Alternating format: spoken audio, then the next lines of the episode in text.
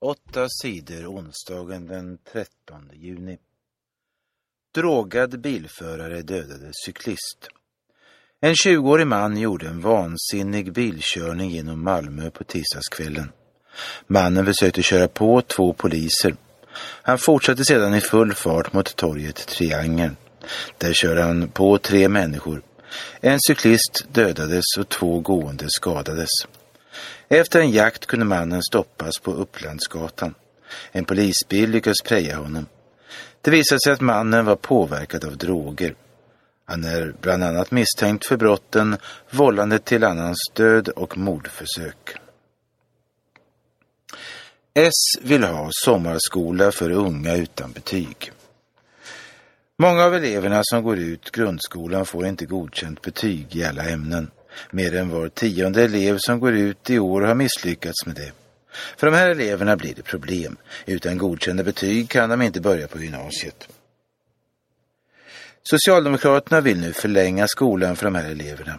De ska tvingas gå i skolan under sommarlovet också. Eleverna ska gå i skolan i 20 dagar under sommarlovet. Socialdemokraterna tror att sommarskola kan hjälpa eleverna att få godkända betyg. Sommarskola är en ny chans för de här eleverna, säger socialdemokraten Mikael Damberg. Sommarskola finns redan idag. Men den är frivillig. Åtta sidor TT. Saab får nya ägare. Förra året gick bilföretaget Saab i konkurs och fick stänga. Det fanns inga pengar kvar och Saab tvingades sluta tillverka bilar. Flera tusen bilarbetare blev arbetslösa. Men nu är det klart att ett företag vill köpa det som finns kvar av bilföretaget Saab. Det säger de advokater som skött Saabs konkurs. Det känns jätteskönt att det är klart, säger Håkan Skött i Metallfacket. Klockan 13 ska advokaterna berätta vilket företag det är som har köpt Saab. De flesta gissar att det är elbilsföretaget National Electric Vehicle Sweden, NEVS, som köpt Saab. De senaste veckorna har det gått rykten om att Nevs ska köpa Saab. Åtta sidor TT.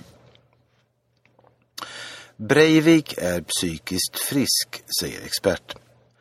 Rättegången mot massmördaren Anders Behring Breivik i Oslo fortsätter. Breivik har erkänt att han sprängde en bomb vid regeringens hus i Oslo och att han sköt ihjäl 69 människor på ön Utöje. Det finns också gott om bevis mot honom. Rättegången blir på det sättet enkel för domstolen. Det svåra för domstolen blir att bestämma om Breivik är psykiskt sjuk eller inte. Om han är psykiskt sjuk ska han dömas till fängelse. Är han psykiskt frisk ska han dömas till vård på sjukhus. Experterna har haft olika åsikter om Breiviks psykiska hälsa. Några som undersökt honom säger att han är frisk, andra att han är sjuk. På tisdagen vittnade Sven Torgersen som är professor i psykologi. Han säger att Breivik inte är psykiskt sjuk. Breivik är inte psykotisk, det kan inte stämma, sa Torgersen i domstolen. Assange klagade på domen. Internetsajten Wikileaks chef Julian Assange är misstänkt för sexbrott i Sverige år 2010. Två svenska kvinnor har anmält honom. Den ena kvinnan säger att hon blev våldtagen. Den andra kvinnan har anmält Assange för sexuellt tvång. Assange har vägrat komma till Sverige för att bli förhörd av polisen.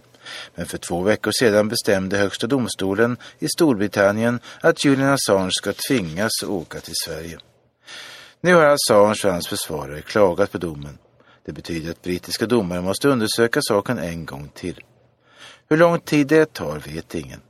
Men det kan dröja innan Julian Assange kommer till Sverige. 8 sidor TT. Bråk vid fotbolls-EM i Polen. Det blev bråkigt vid matchen mellan Polen och Ryssland i fotbolls-EM på tisdagen. Fotbollsgalna ryssar och polacker slogs på gatan i Warszawa. Det blev mycket våldsamt och många människor skadades. Poliserna grep fler än 130 bråkmakare. När poliserna försökte stoppa bråket kastade folk stenar på dem. Matchen mellan Polen och Ryssland slutade oavgjort 1-1.